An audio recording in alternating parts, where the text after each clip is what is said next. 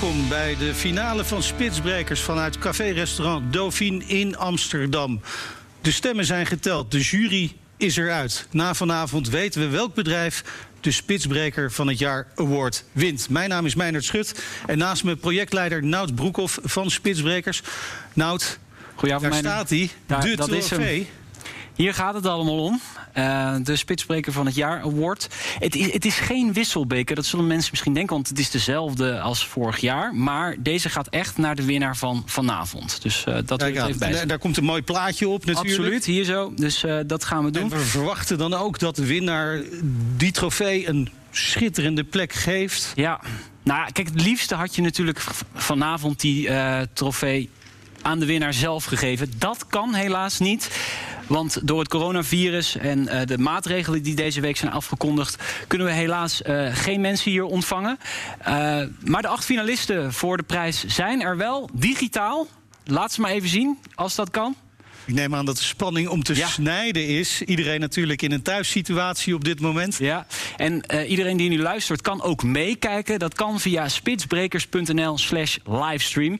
En dus aan het eind van dit programma weten we welk bedrijf Spitsbreker van het jaar wordt. Superspannend. Heel ontzettend spannend. Voordat we uiteindelijk naar die award gaan van Spitsbreker van het jaar... hebben we natuurlijk ook de publiekstem. Ja. Die zullen we eerder bekendmaken. Dat was ook spannend. Dat was heel spannend. Dat eh, verschil van 10, 11 stemmen uiteindelijk. Dus dat is eh, een close call. Echt Ja, close ja, call. ja, Iedereen zeker. is ingezet om eh, te stemmen. Er zijn heel veel stemmen binnengekomen, Nout. Ja, ja ik, het precieze aantal weet ik niet, maar het, het, het, het zijn enorm veel stemmen die, eh, die de afgelopen week zijn binnengekomen. Dus dat is erg goed. Het is natuurlijk wel jammer. We zouden hier in een zaal staan vol met mensen. Al die mensen van die bedrijven die mee hebben gedaan aan dit project, aan Spitsbrekers. Ja. Maar ja, corona, hè?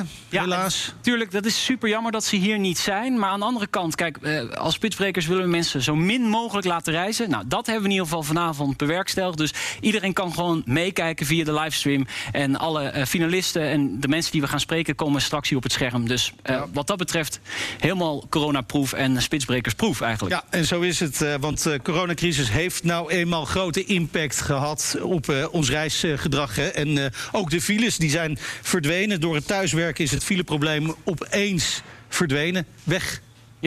Ja. En eh, kijk, wij hebben al een, een jaar geleden hebben wij de, de, de thuiswerkdag georganiseerd als BNR zijnde. Dus wij hebben eigenlijk een beetje het, ja, het goede voorbeeld toch eigenlijk al gegeven. Veel, ve- veel later ging iedereen natuurlijk thuiswerken, maar dat had natuurlijk een reden vanwege corona. Maar wij hebben dat, eh, dat toch wel even op de kaart gezet, vind Ja, ik. Als files weg. Wie had dat ooit gedacht? Misschien We gaan naar Erwin de Hart bij de ANWB. Erwin, hoe is het nu op de weg? Het is eh er net drukker geweest dan 900 kilometer alles bij elkaar. Dat waren nog eens tijden. Een ochtend- of avondspits met honderden kilometers file. Het is eh, erg druk. Jarenlang steeg het aantal files in Nederland. Vorig jaar nog met 17 procent. En de vooruitzichten waren niet best. Reis je met de auto naar je werk, dan moet je de komende jaren je wekker een beetje vroeger zetten. Want het wordt nog veel drukker dan het al is op het asfalt. Iedere burger die in de auto stapt zal gemiddeld merken dat hij 40% meer reistijd voor die heeft dan nu. Maar toen brak de coronacrisis uit. De voorspellingen gingen door de shredder. En natuurlijk geldt dat we voorlopig allemaal zoveel mogelijk thuiswerken. Nog nooit werkten we zo lang, zo massaal thuis. Op het hoogtepunt werkte bijna twee derde van Nederland vanuit huis. We hadden Kees Kwaks van de AWB, die heeft het rustig vanmorgen. Kwart voor negen, Kees. Hoe staat het erbij? Nou, files zijn er niet pas, daar zijn we snel mee klaar. En zo ging het. Weken, maanden. Het autoverkeer daalde met bijna 50 En het gebruik van het openbaar vervoer zelfs met 90% Met alle gevolgen van dien. In juni zitten we op een half miljard verlies en eind van het jaar op een miljard. Inmiddels stijgt het aantal OV-reizigers weer. Maar het is toch altijd nog de helft minder dan een jaar geleden. Het autoverkeer is weer bijna terug op het oude niveau. Maar files blijven grotendeels uit dankzij het thuiswerken en het mijden van de spits.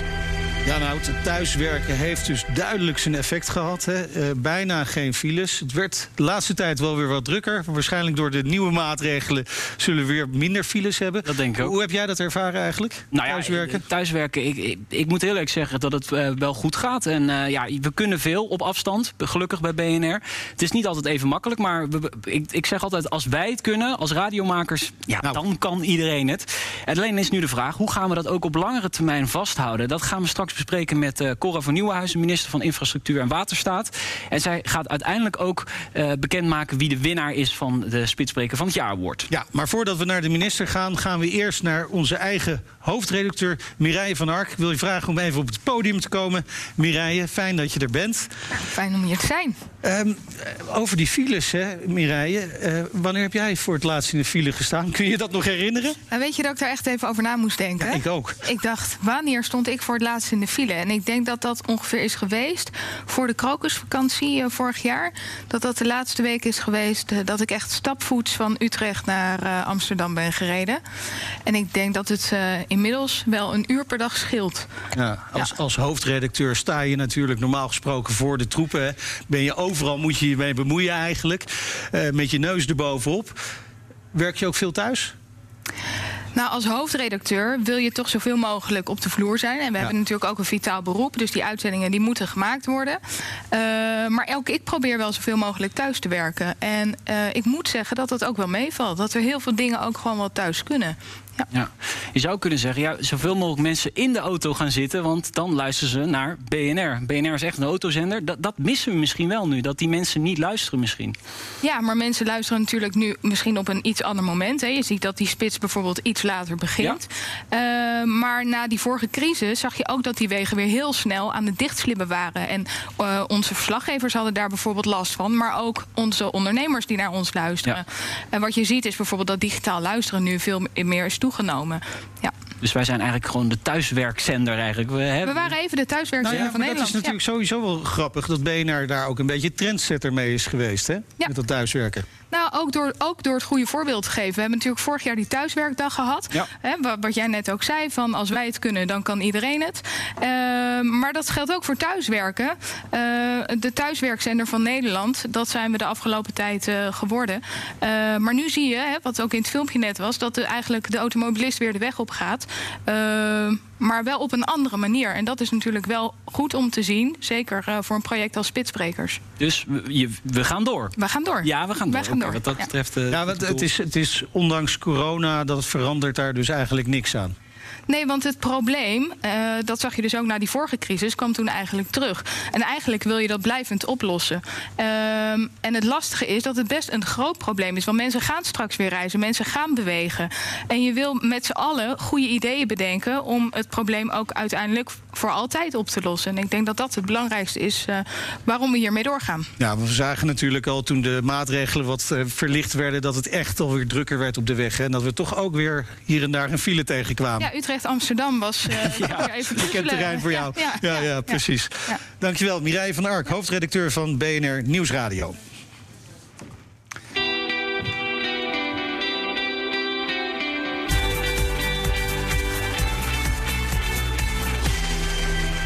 Ja, jarenlang namen de files toe in Nederland. Toen kwam corona en gingen we massaal thuiswerken... waardoor het fileleed grotendeels achterwege blijft op dit moment. Houden we dat vast, zoals Mireille zei, en hoe gaan we dat nou doen? Nou, daarover gaan we praten met niemand minder dan uh, Cora van Nieuwenhuizen... minister van Infrastructuur en Waterstaat. Mevrouw van Nieuwenhuizen, welkom in de uitzending. Goedenavond. Ja, door de verbinding is er iets vertraging ja. op de lijn. Maar uh, uh, waar bent u op dit moment eigenlijk? Bent u op het ministerie of uh, lekker thuis? Ik ben thuis, want ik ben natuurlijk ook een van de grote promotoren van thuiswerken. Ja, is dat zo? U, u ging in gesprek met werkgevers daarover, heeft u al eerder aangegeven. Hoe, hoe verloopt dat? hebben werkgevers er al zin in om mensen straks op lange termijn ook thuis te laten werken? Nou, ik denk dat veel werkgevers nu hebben ervaren uh, hoe goed het kan gaan. Hè? Dus we, we, moeten nu noodgedwongen ook in deze tijd weer echt zoveel mogelijk uh, thuiswerken.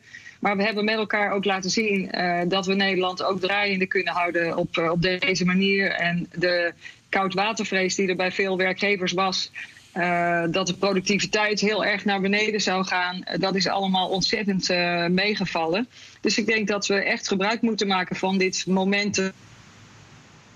Uh, als een, ja, van die hele nare crisis, dat we daar toch uh, ook iets goeds uit weten te halen. En dat is het uh, vasthouden van het thuiswerken en beter spreiden over de dag. Hebben we daar uh, met de kennis van nu eigenlijk in het verleden wel genoeg aandacht voor gehad? Hè? Het ging toch heel vaak, ook bij uw voorgangers, over het aanleggen van meer asfalt en over infrastructuur. Nou, dat blijft ook nog nodig, dat aanleggen van uh, nieuwe infrastructuur. Uh, want we zien natuurlijk dat er uh, gewoon een grote bevolkingsgroei verwacht wordt. Uh, rond 2060 verwachten we toch ook dat we op 20 miljoen Nederlanders uitkomen. en we zien ook wel dat voor de coronacrisis stonden we echt met z'n allen behoorlijk vast. Dus we moeten ook uh, klaar voor zijn als straks die economie weer aantrekt, uh, dat we dan ook ja, onze infrastructuur goed op orde hebben. Dus er zal niet heel veel echt nieuwe infrastructuur meer bijkomen, maar, uh, maar toch wel wat. En we moeten ook ja, aan de weg blijven werken om het ook in goede staat te houden. Ja, we hebben natuurlijk wel te maken met een VVD-minister. Dat is wel duidelijk. Asfalt moet er toch altijd worden aangelegd. Ja, maar wij, wij zijn ook niet anti-auto. Nee, nee zeker niet. Dat is ook absoluut niet de boodschap van Spitsbrekers. Nee, nee. Auto's zijn hartstikke oké. Okay. Daar hebben we ook een ander programma over... waar we graag over auto's praten. Ja. Maar we willen wel graag spreiden. Want ook wij willen heel graag uh, doorrijden. Uh, mevrouw van Nieuwenhuizen, u wil van dat thuiswerken... zegt u nu ook de norm maken. Bent daar ook over in gesprek met het bedrijfsleven. Had Nout het net ook al over. Uh, dat, dat hebben we ook besproken in een podcast die we eerder hebben opgenomen. Maar hoe verloopt dat gesprek? Zijn die bedrijven al bereid om concessies te doen, om, om afspraken te maken? Ja, je ziet echt dat, uh, dat er best een groot enthousiasme is uh, bij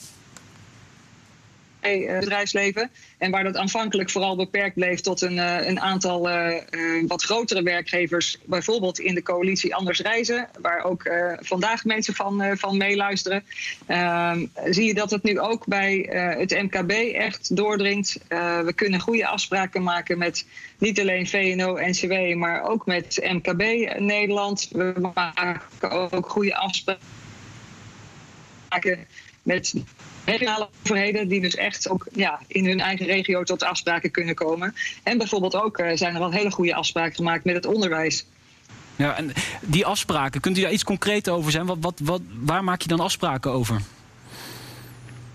Nou, bij het onderwijs uh, is het bijvoorbeeld. Uh, uh, meer in de zin van de spreiding. Hè. Ook daarvoor geldt uh, dat er heel veel uh, gewoon ook digitaal op afstand onderwijs gegeven kan worden. Naarmate het hoger onderwijs is en de leerlingen ouder, gaat dat natuurlijk makkelijker.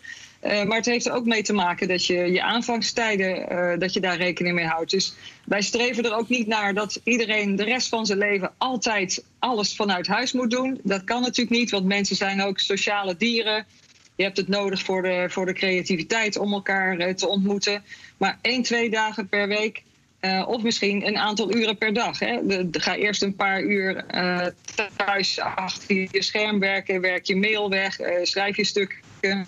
En ga dan later naar kantoor. Dus het is het is niet alleen, maar ook, het kan ook een, een deel van de dag zijn. Nou, excuses ondertussen voor de verbinding, die hapert af en toe. Dat, ja, dat hebben we nou natuurlijk. eenmaal mee ja, te maken. ja, Als we op een moderne manier uh, proberen te communiceren op een corona-veilige manier. In ieder geval, dat is natuurlijk het allerbelangrijkste.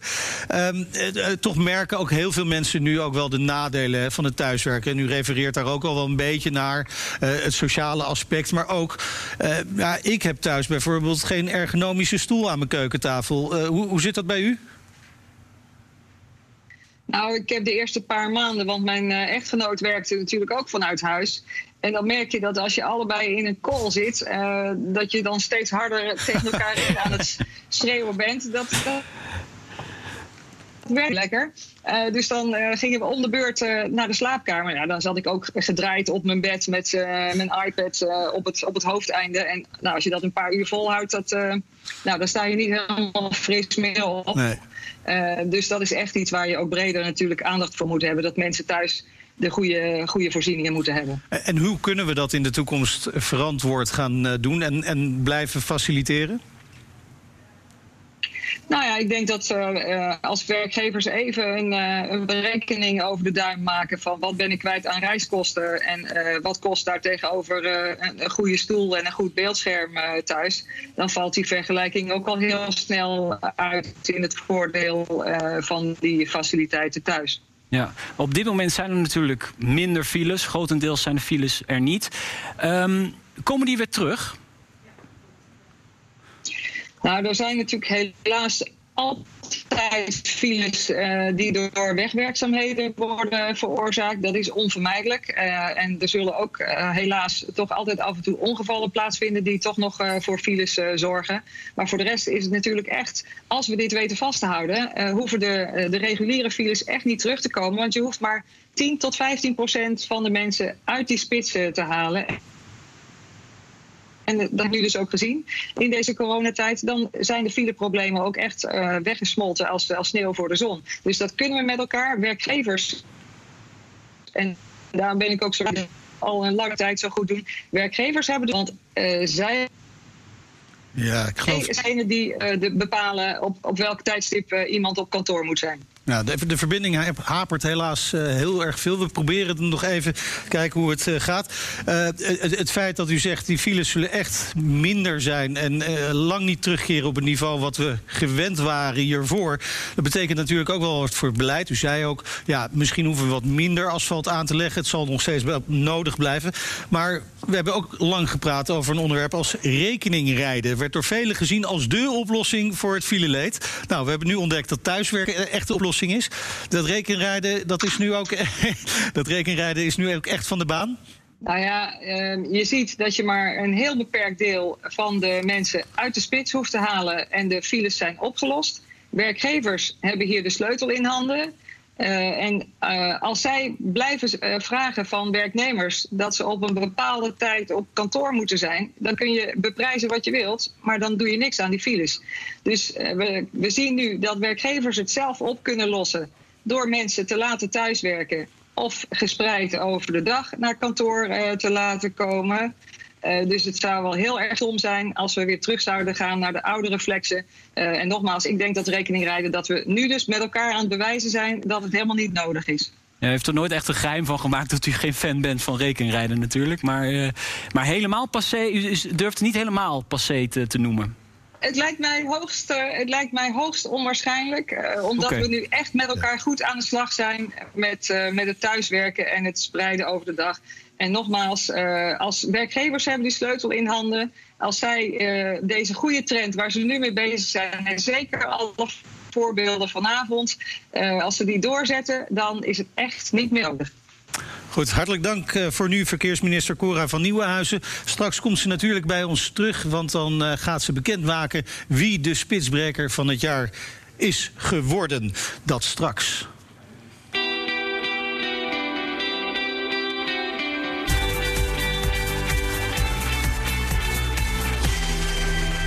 Een jaar geleden begon het tweede seizoen van Spitsbrekers van de competitie. Nout, uh, jij hebt het hele proces gevolgd en begeleid. Ja. Wat is er allemaal gebeurd? Nou ja, uh, we zijn inderdaad een jaar geleden begonnen. Uh, bedrijven konden zich opnieuw inschrijven voor uh, de Spitsbreker voor het Jaar Award. De verkiezing. er kwamen echt tientallen aanmeldingen gelijk binnen. de jury nomineerde begin dit jaar tien bedrijven voor de Spitsbreker van het Jaar Award. Ja, en toen brak corona uit. Ja, ja dat, was, dat was natuurlijk wel jammer voor de competitie. Die heeft even stilgelegen. De halve finale die we normaal gesproken organiseren, die hebben we helaas niet kunnen organiseren vanwege de lockdown. Is er ook over nagedacht? Gedacht om spitsbrekers maar gewoon helemaal af te gelasten? Nee, nee, dat is niet in ons opgekomen. Omdat wij gelijk zagen de, de grote kansen die er zijn. Bijvoorbeeld op het thuiswerken, fietsen, uh, noem maar op. Uh, ja, we zagen gelijk de kansen om juist dat vast te houden in de toekomst. En daar gaat Spitsbrekers dan nu ook vooral over. Um, nog even terugkomen op die halve finale. Toen zijn de tien bedrijven die genomineerd zijn, die zijn finalist geworden. Daarbij zijn Siemens en uh, Schiphol. Die hebben besloten om zich terug te trekken uit de competitie. Dus daardoor houden we op dit moment acht finalisten over. We gaan nu even luisteren wat, wat, wat die acht finalisten nou eigenlijk precies doen. En um, de, de finalisten hebben we natuurlijk online die meekijken. Dus ze komen even in beeld. En ja, als ze in beeld komen, doe even wat geks. Leuk. Even zwaaien. Ja, precies. Of uh, ja. jong leren of iets dergelijks. Kopje koffie laten zien. Doe iets. Ja, precies. Spitsbrekers. De finalisten. Finalist 1. ABN AMRO. De bank heeft de afgelopen jaren vol ingezet op reizen met het openbaar vervoer. Het aantal gehuurde parkeerplekken bij kantoren werd teruggedrongen. Iedere nieuwe medewerker krijgt, voordat hij in dienst treedt, een OV-abonnement. En dat heeft effect. Je merkt ook dat op het moment dat mensen een, eh, een standaard optie uh, wordt geboden, uh, dat ze het ook gaan ervaren. Het aantal OV-gebruikers is gestegen van 35 naar 50 procent over de laatste vijf jaren. Dus dat is best significant. Finalist 2, Iedereen bij Arcadis krijgt een NS Business Card. Ook de leaserijders. Verder zijn sinds begin dit jaar alle grote kantoren naar intercity-stations verhuisd. De afgelopen 10 jaar is 40% van de autokilometers teruggedrongen. Arcadis wil dat vasthouden. Medewerkers moeten ook in de toekomst blijven thuiswerken. Uh, waar we mee bezig zijn is een beloningsprogramma. Door middel van de app. Die ziet waar jij bent. Dus als jij een dag thuis werkt, dan word je beloond met coins. En die kun je inwisselen um, in een webshop. Finalist 3. Duurzaam bereikbaar Heijendaal. Onderwijsinstellingen, openbaar vervoerbedrijven en de overheid in de regio Nijmegen sloegen de handen ineen. Door onderwijstijden in de ochtend aan te passen, reizen studenten meer verspreid in de spits. En daar is iedereen blij mee. De studenten moesten op het station vijf of zes bussen wachten voordat ze in kunnen stappen. Dus we zagen gewoon, ja, dit moet anders. En voor alle partijen was er een belang. Finalist 4. Veenstra. Monteurs van het installatiebedrijf gaan op de bakfiets Amsterdam in om werkzaamheden uit te voeren.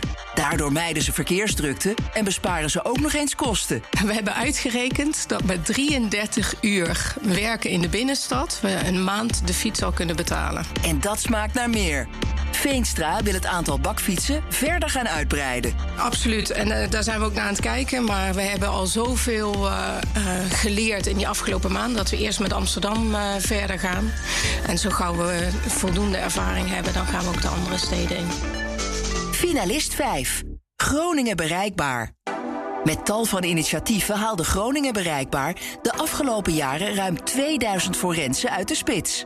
Daar bleef het niet bij. Samen met onderwijsinstellingen in de regio werden lestijden aangepast. Met als resultaat meer dan duizend studenten mijden de spits. Het belangrijkste is dat we, zeg ik dat altijd, met, met elkaar dat doen. Dus die 85 partnerbedrijven, inclusief een FC Groningen en een, en een uh, Martini Plaza en een Donar... of het Groningen Forum of de ziekenhuizen, de onderwijsinstellingen, et cetera. Doen allemaal mee. Finalist 6. Havenbedrijf Rotterdam. Het Rotterdams havenbedrijf ontmoedigt medewerkers om met de auto naar het werk te komen. Het parkeertarief werd verhoogd. En flink ook. We hebben het uh, verdrievoudigd. Van uh, 35 euro per maand naar 110 euro per maand. Maar we hebben tegelijkertijd hebben we de fietsregeling en de OV-regeling hebben we heel aantrekkelijk gemaakt. Medewerkers krijgen een OV-abonnement. Wie met de fiets naar kantoor komt, profiteert van een hogere kilometervergoeding. Finalist 7. Flexit. Flexit loste het parkeerprobleem van het academisch ziekenhuis in Maastricht op. Met behulp van data is het reisgedrag van medewerkers in kaart gebracht en beïnvloed. In praktijk betekent dat hoe dichter je bij het ziekenhuis woont, hoe meer parkeergeld je betaalt. Dus we hebben eigenlijk daar de, de keuzes die mensen kunnen maken, die beïnvloeden per dag door uh, de verschillende prijzen te hanteren en beloningen te hanteren, afhankelijk van de dag van de week en van de woon-werkafstand. Bijna 40% van de ziekenhuismedewerkers heeft zijn of haar reisgedrag aangepast. Finalist 8. Touw. Ingenieursbureau Touw kent geen vaste werktijden. Woon-werkverkeer met het OV wordt volledig vergoed. Reis je met de auto, dan is de vergoeding juist gelimiteerd. En werk je in de trein, dan mag je eerste klas reizen. Zeker in coronatijd wordt iedere reis zorgvuldig afgewogen. Het interessante natuurlijk van deze tijd is dat je ook leert... en dat geldt ook voor mezelf uh, bij uitstek. Ik bedoel, wanneer reis je wel en wanneer reis je niet.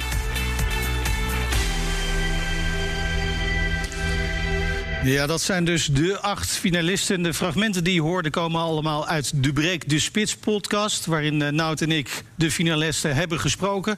Ga die vooral nog een keertje luisteren. Kan allemaal via de app van BNR of via de website... of je eigen favoriete podcast-app natuurlijk. Um, je kunt ook naar deze uitzending kijken, moeten we niet vergeten, uh, Nout, om te zeggen: het is natuurlijk op de radio, Absoluut. een live uitzending.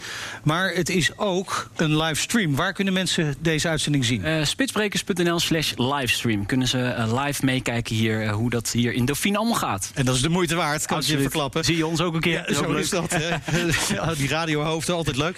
Eh, naast de beoordeling van de jury is er ook een eh, publiekstem. Hè? De, het publiek heeft mogen stemmen op deze acht finalisten.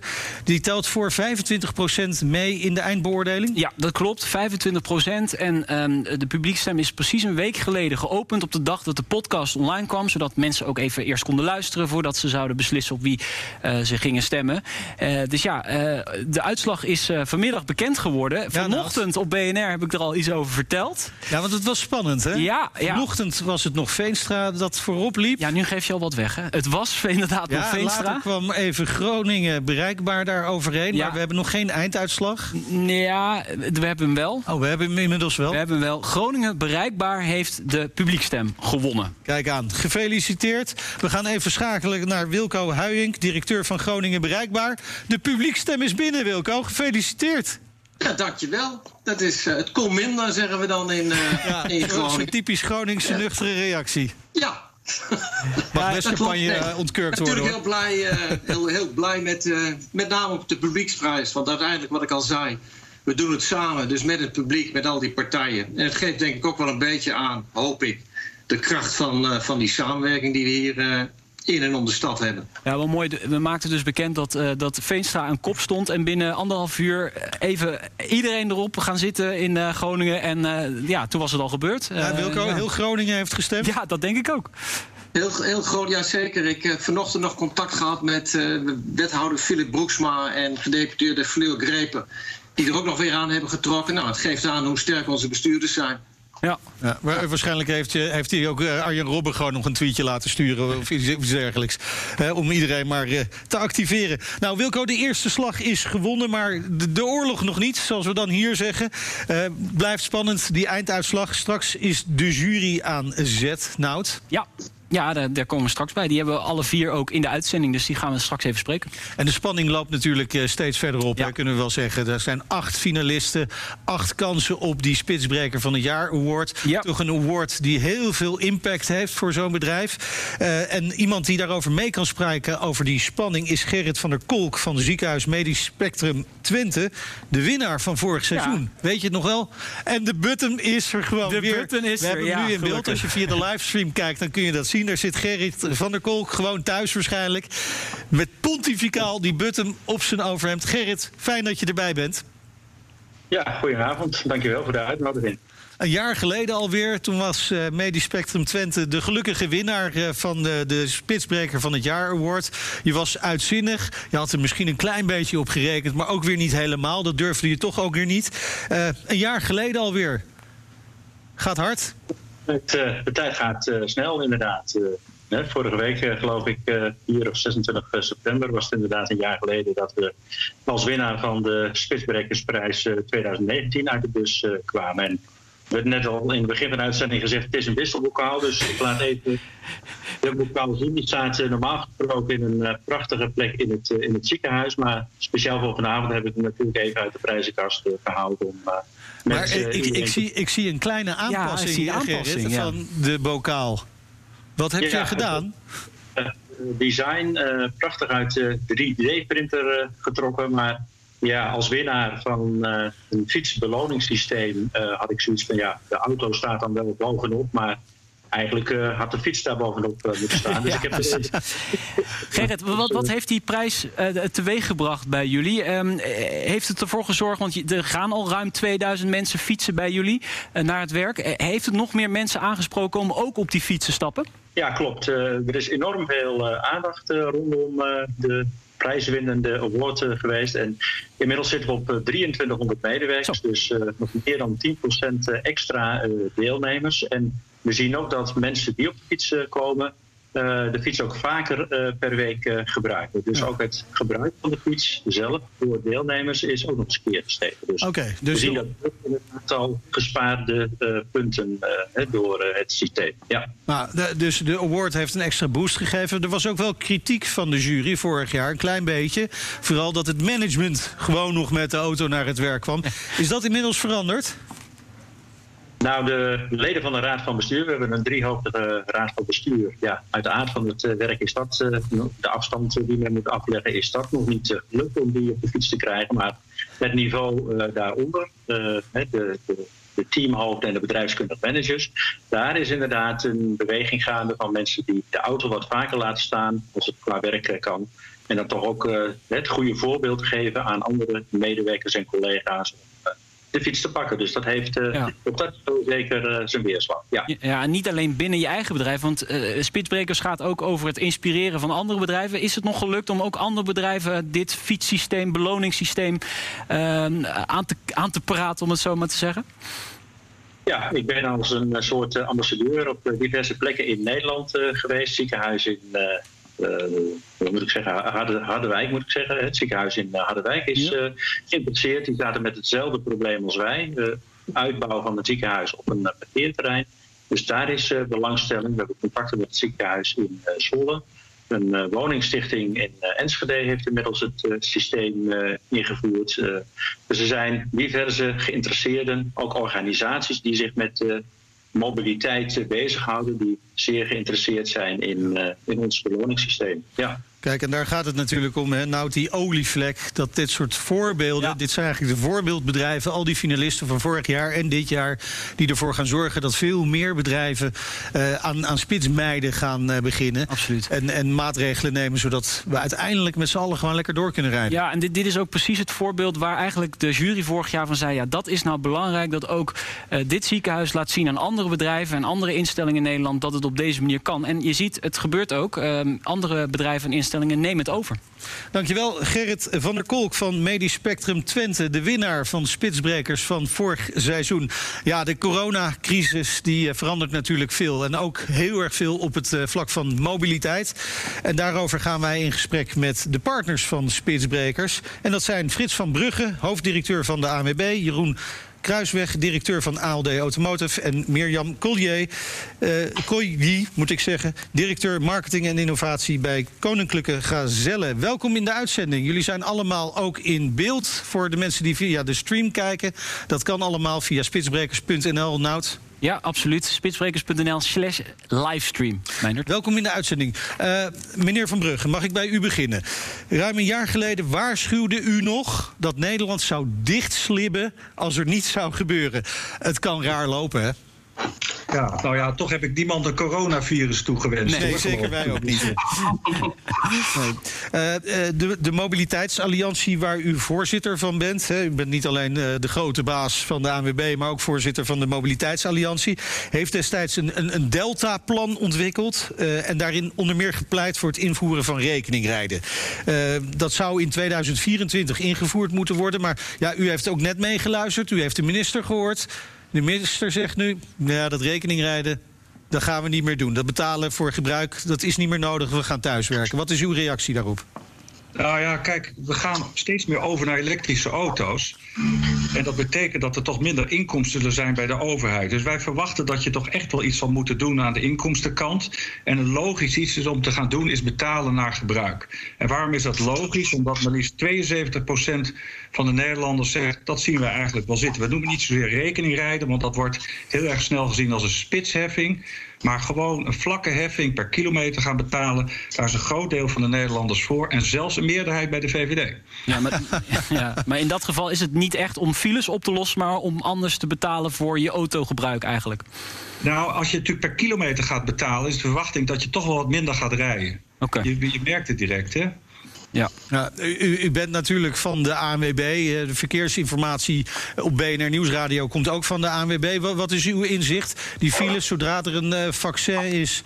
Uh, gaan we dan toch allemaal weer in die auto stappen... en staan we allemaal weer aan elkaar op de A2 of de A4... of noem maar welke snelweg?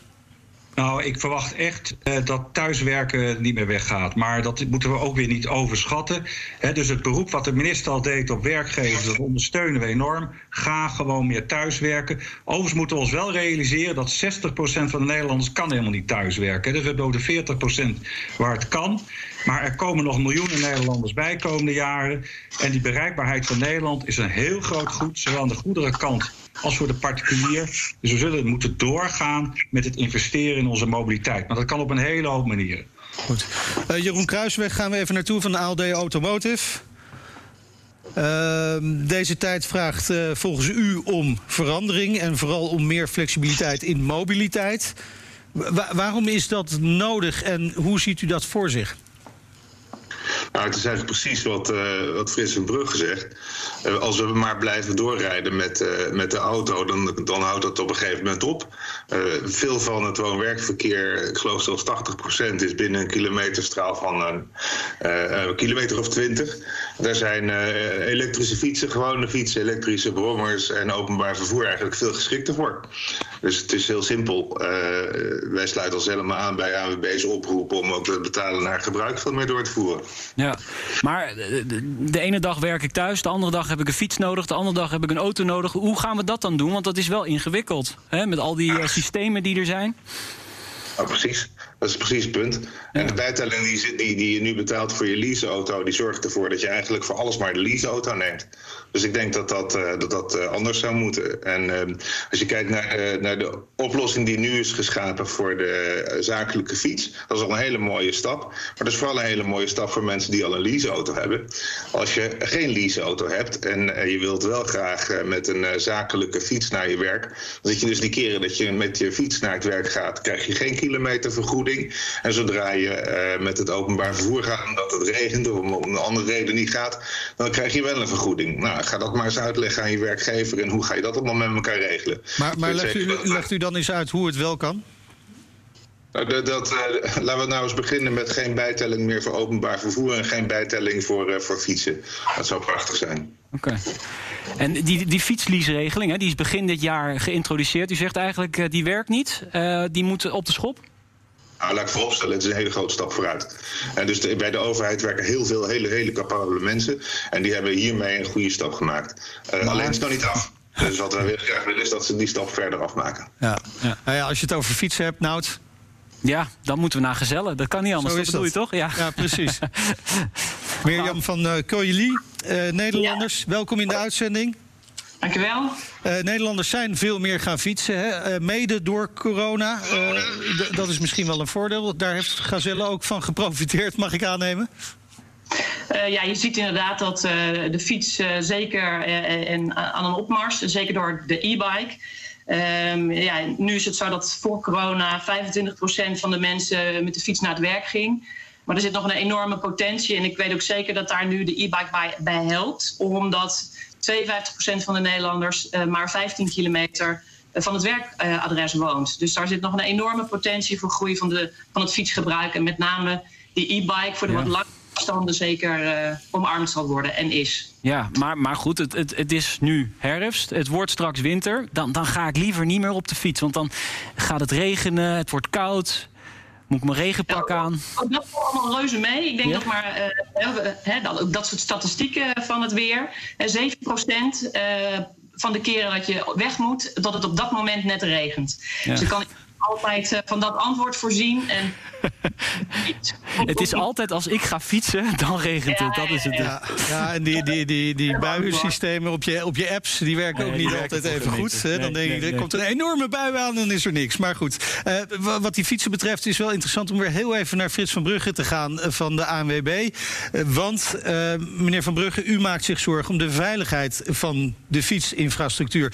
En dat is geen onterechte vraag, hè, want we zien dat uh, het aantal uh, verkeersongelukken toeneemt. En dat is voor een groot deel toe te schrijven aan fietsers. Ja, uh, Meindert, even al duidelijkheid. Hè. In coronatijd zijn we minder mobiel geworden. In die, af, in die maanden, zeker dat tweede kwartaal, het aantal doden en zwaar gewonden is niet afgenomen. We zijn gewoon veel meer gaan fietsen. Mm -hmm. En dus dat betekent dat de zwakkere deelnemers in het verkeer zijn in meer gevaar gekomen. Wij verwachten, als we niet gaan ingrijpen op het gebied van de veiligheid, voornamelijk op fietsen, dat het aantal zwaargewonden van 20.000 naar 40.000 gaat in de komende 10, 20 jaar. Dus dat is toch wel red alert. Mm -hmm. Dus uh, hier moet echt ingegrepen ingegrepen gaat worden. Toevallig hebben we een minister die daar heel actief in is. Ik kan niks anders dan dat Cor van Nieuwhuizen echt haar best doet om eh, verkeersveiligheid goed op de agenda te krijgen. Maar het is veel te druk op de fietspaden. Eh, er staan allerlei vormen van fietsen zijn daar nu. En wij zijn, absoluut door, we zijn er absoluut voor dat er zoveel gefietst wordt. Hè. Dat voor alle duidelijkheid. Nog meer graag zou ik willen zeggen. Het is een enorme, vooral die automobilisten die gaan fietsen, haalt natuurlijk een enorme druk van het wegennet af. Maar de druk op de fietspaden, de verschillende snelheden in de stad. De steden zijn gewoon niet meer ingericht op zoveel fietsverkeer. Maar meneer Van Brugge, Van Brugge we, we, kennen de oorzaak. Maar waar, waar ziet u de oplossing? Kijk, heel goed. uh, nou, daar maak ik me niet zo populair mee. Maar wij denken echt dat je die stad op een andere manier moet gaan inrichten. Dus veel meer gebaseerd op de verschillende snelheden. Kijk, met een Porsche mag je uh, in een woonwijk ook maar 30 rijden. Dus dat betekent gewoon ook. Uh, wij denken dat in die drukke stukken beperkingen moeten komen voor snelheden op fietspaden. Dus je krijgt veel meer in de stad, dan mag je 20 rijden. Andere stukken 30, andere stukken 50. Dat het daar meer heen gaat. Mirjam van Colly, is dat een goede oplossing? Ja, ik ben het helemaal eens. Uh, we hebben zelf uh, met de afdeling innovatie zijn we aan de slag gegaan om uh, te kijken hoe we door middel van technologie, dus met bijvoorbeeld het uitrusten van een e-bike met een IoT-module, dus het onderdeel te laten zijn van het internet, kun je vanuit de infrastructuur of vanuit de cloud de snelheid van de fiets begrenzen in een bepaald gebied waar jij denkt dat het onveilig is voor de fietser. Dus je kunt zeggen, op drukke gebieden zou je dat kunnen beïnvloeden vanuit overheid, vanuit infra. En ja, daar zijn al prototypen van. Maar goed, dat is natuurlijk complexer dan dat ik het nu zeg. Hè. Dus dat moet je natuurlijk in een netwerk uh, samen voor elkaar krijgen. Dat is een mogelijke oplossing. En natuurlijk hoort daar ook een stukje handhaving bij. Het is inderdaad uh, wat Frits zegt. Een Porsche gaat ook niet uh, met nee. 20 over, de, over het woonerf. La, laten we inderdaad hopen uh, van niet. We hadden het net al met Jeroen Kruisberg over die uh, lease-regeling van die fietsen. Die is uh, begin dit jaar ingevoerd. wat merkt u daarvan? Is de, is de belofte ingelost? Nou, we zijn, zien zeker dat ehm, die lease-regeling ehm, populair aan het worden is. Maar ik wil ook aan, aan de minister een, een pleidooi houden voor de vereenvoudiging van de complexe administratie die dit met zich meebrengt. Waardoor eigenlijk het fietsgebruik afgestraft wordt, omdat je daarmee gekort wordt op je uh, werkkostenregeling of op je uh, de, extra fee die je daarvoor krijgt. Uiteindelijk gaat het erom natuurlijk dat we dan tot een vaste afspraak komen. Bijvoorbeeld drie dagen met de auto, twee dagen met de fiets. En dat met elkaar afspreken en zo zeg maar de hele administratie in de prullenbak gooien. Jeroen Kruisweg uh, van de ALD, jij ondersteunt deze oproep, kan ik me voorstellen? Ja hoor. Kijk, uh, mevrouw van Nieuwenhuizen zegt net ook... we moeten meer gaan thuiswerken. Nou, als je daar een vergoeding aan je personeel personeel voor wil geven, gaat dat uit de werkkostenregeling. Vervolgens wil je die fiets uit de werkkostenregeling. En dan zit je al met je handen helemaal klem. Als je ook nog een keer weet je wil thuis bellen met een thuistelefoon, dan is het uh, op met die werkkostenregeling. Uh, dus uh, ja, er moet nog wel wat gebeuren. maar ik weet zeker dat dat, dat, dat ook wel zal gaan gebeuren. Ja, sowieso. Als, als meer mensen gaan thuiswerken, dan, dan gaan ze ook minder de weg op. Heb je ook misschien minder leaseauto's nodig ja, uiteindelijk. gaat je dus businessmodel. Dat is natuurlijk ook niet fijn voor, voor jullie businessmodel, kan ik me zo voorstellen. Nou, het gaat natuurlijk om hoe goed je het doet. En wij willen het graag het allerbeste doen. En dan maakt het helemaal niets uit of er wat minder gereden wordt. Als iedereen maar bij ons doet. Precies, ja. Tot, tot slot, uh, bij de heren en dames, uh, nog even een uh, vraag aan jullie allen. tot slot, en beginnen we bij Mirjam van Colly. zijn we definitief van die files af? Dat is een vraag die vandaag vaker wordt gesteld. Hè? Omdat we nu veel meer thuiswerken, veel vaker op de fiets gaan. Hartstikke goed natuurlijk. Maar zijn we definitief van de files af? Uh, ik zou willen uh, voorspellen van wel. Uh, maar ehm, ja, ik, we, wij doen ons best om vanuit de fiets zoveel mogelijk mensen te motiveren om meer te gaan fietsen. Zeker op de korte afstanden. En als je dan al ziet aan de cijfers dat 52% binnen een straal van 15 kilometer woont, woon-werkverkeer heeft ja, dan moet daar nog een enorme strom, uh, sprong gemaakt worden. En denk ik dat we absoluut uh, in Nederland uh, naar veel minder files toe kunnen. Goh, wie had dat ooit gedacht? Jeroen Kruisweg, mee eens? Geen files meer in Nederland? Oh, ik, ik hoop het. ik, ik, ben, ik, ik, ben iets negatiever. Ja? Ja? Je verwacht ja, dat we toch altijd weer in die auto gaan stappen?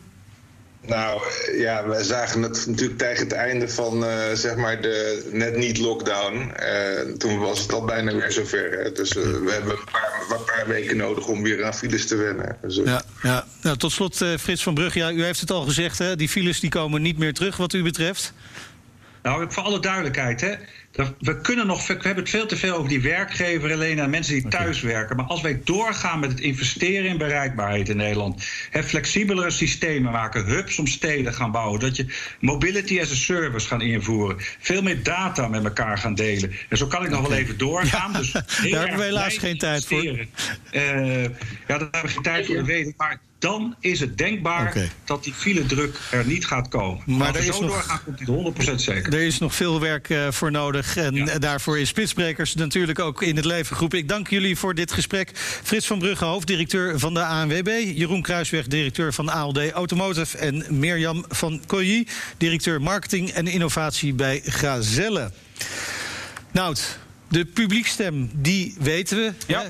Dat is uh, Groningen bereikbaar. Nu is het moment aangebroken om het eindoordeel te vellen. De jury van Spitsbrekers boog zich de afgelopen week over de initiatieven.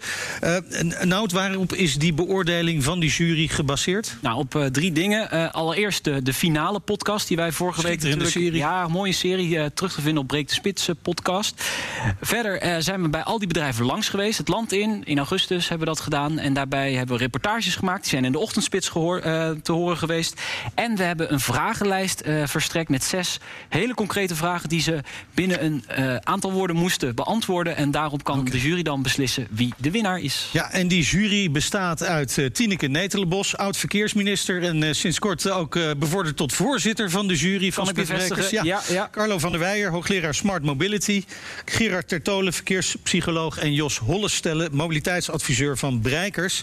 En die zijn nu ook alle vier bij ons in de uitzending. Fijn om jullie even te spreken en uh, voor degenen die de stream kijken te zien. Uh, Tineke, we hebben vorig jaar al afgesproken dat we zouden tutoyeren, dus daar ga ik maar die vrijheid neem ik om daarmee door te gaan. acht finalisten dit keer. Hoe, hoe beoordeel jij het algehele niveau van de finalisten dit jaar? Het niveau was dit keer heel hoog. En dat maakt het voor ons ook best heel ingewikkeld om een winnaar aan te wijzen. En uh, wat we ook natuurlijk uh, merkten is dat er allerlei plannen waren, maar dat vervolgens die coronacrisis er doorheen kwam, waardoor uh, de hele wereld veranderde, ook op mobiliteitsgebied. maar, maar daar is ook in de vragenlijst door de, de bedrijven ook een antwoord op gegeven. Dus wij konden Hmm. goed overzien wie wat deed en hoe we dat zouden kunnen waarderen. Ja. Carlo, waar heeft de jury naar gekeken in dit geval? Maar ik heb zelf ook specifiek gelet op dingen die mij verrassen. Ik ben het hele jaar constant bezig met dit soort oplossingen. En als ik verrast word, en ik werd dit jaar opnieuw verrast door enkele dingen, dan, uh, ja, dan, dan, dan word daar blij van.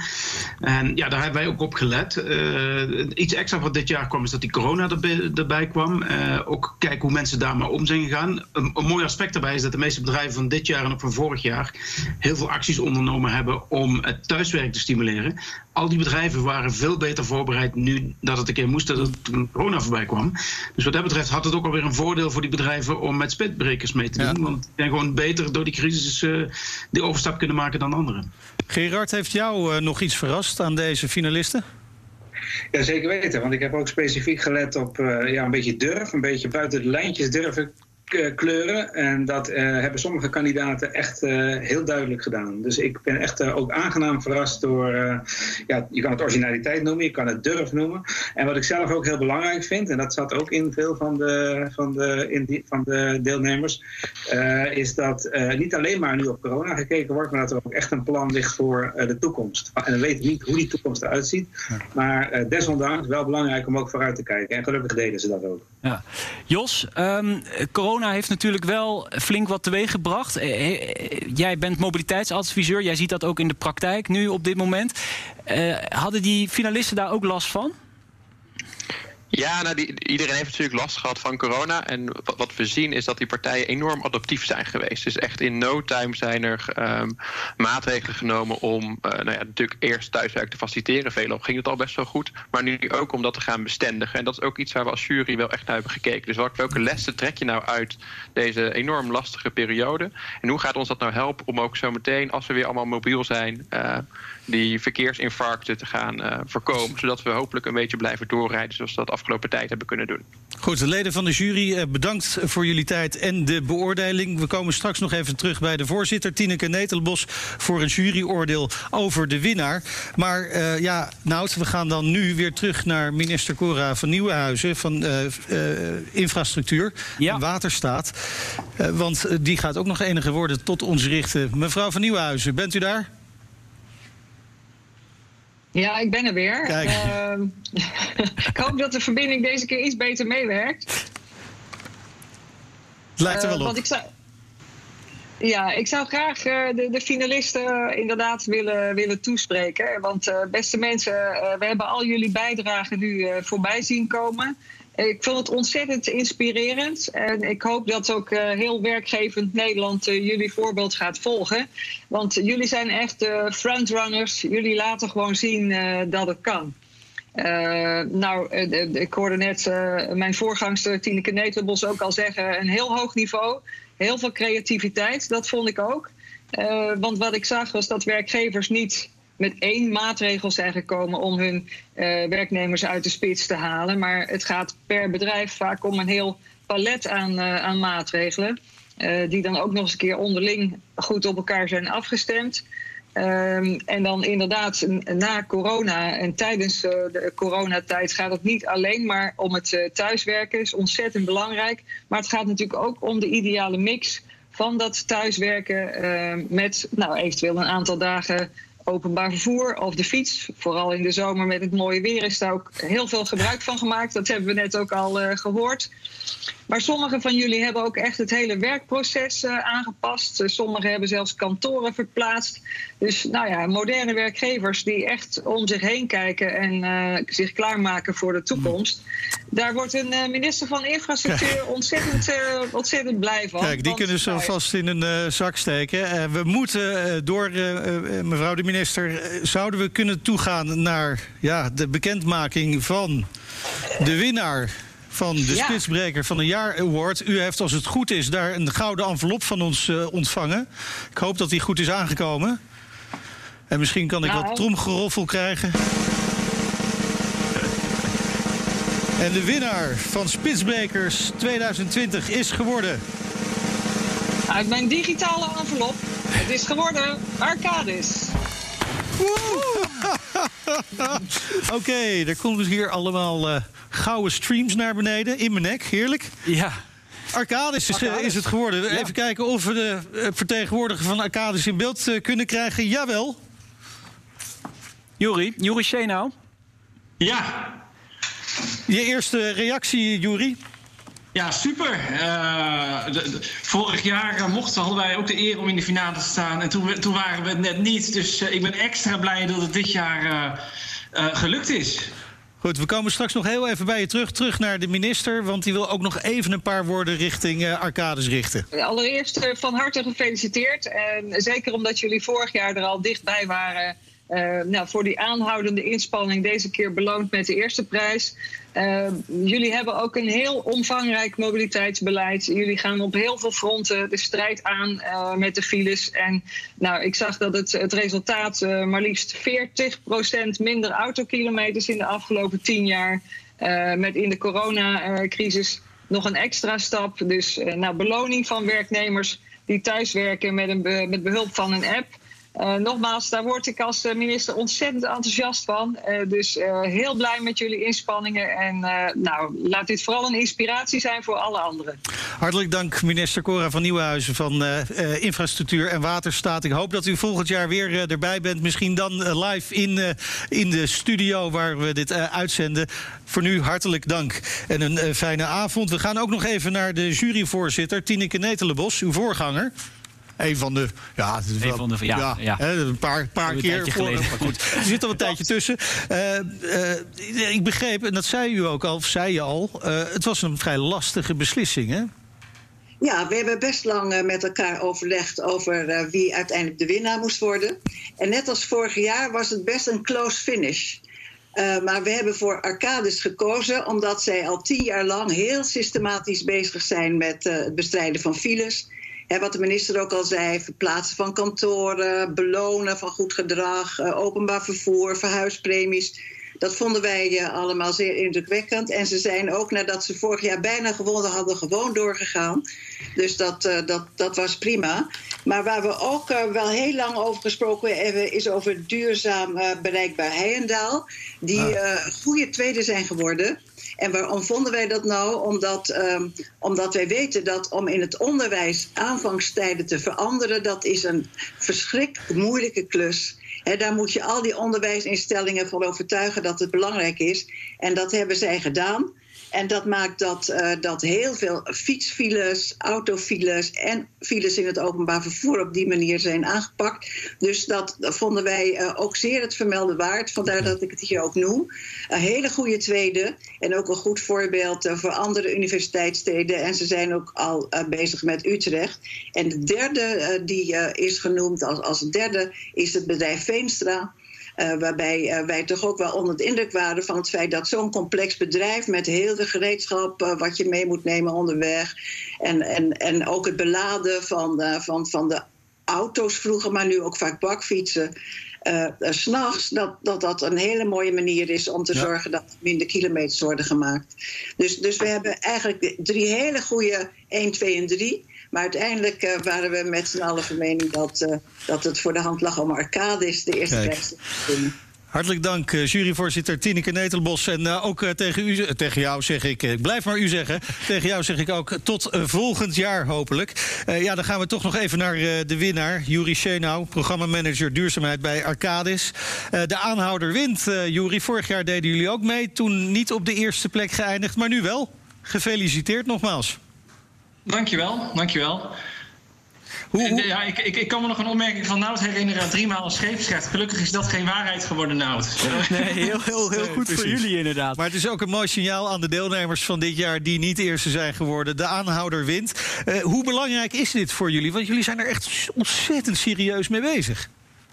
Ja, ik ben, ik ben ontzettend blij dat, ehm, en, en ook trots dat, dat de jury eh, eh, ook herkent, zeg maar, dat we inderdaad, ja, we zijn eh, tien jaar bezig nu, denk ik, met het verduurzamen van onze mobiliteit. Inderdaad, heel breed, van locatie, kantoren verhuizen naar OV-locaties, businesscards en alle medewerkers. Nou, er zijn al heel veel dingen genoemd. En dat, dat, dat, ehm, dat, dat lijkt misschien voor sommigen, dat doe je even, maar mobiliteit is iets wat bij geen enkele afdeling alleen ligt. Dus dat vraagt ook samenwerking tussen heel veel stakeholders in, in, in een groot bedrijf als de onze. HR, IT, legal, finance. eh, en eh, dus ik ben er heel trots op dat we ehm, nou ja, beloond worden voor eh, heel veel hard werk door heel veel collega's intern. En ehm, eh, we dragen het graag uit. Dat blijven we ook doen. En ook nu, dit is alleen maar een extra stimulans om ook weer voor ons de volgende stappen te zetten. Nou, en ik hoop dat die trofee, die gaat natuurlijk je kant op komen... dat hij een hele prominente plek krijgt eh, bij Arcades. Misschien gewoon bovenop de gevel plakken. Eh, die komt in ieder geval jullie kant op met een mooi eh, plaatje erop. En, en ga vooral zo door, want die olievlek... die willen we bereiken, zodat meer bedrijven hier aan gaan meewerken. Tot zover de finale van Spitsbrekers. Ik dank aan iedereen die online dit, dit online event hebben mogelijk gemaakt. Alle luisteraars die ook via de radio luisteren natuurlijk. Dank vooral ook aan de partners, Nout. Eh, zonder hen was dit allemaal natuurlijk niet mogelijk. We noemen ze nog maar eens even. Ja, Aalde Automotive, eh ANWB Zakelijk en eh Gazelle. En eh, dan zeg ik graag tot volgend jaar. Tot volgend jaar.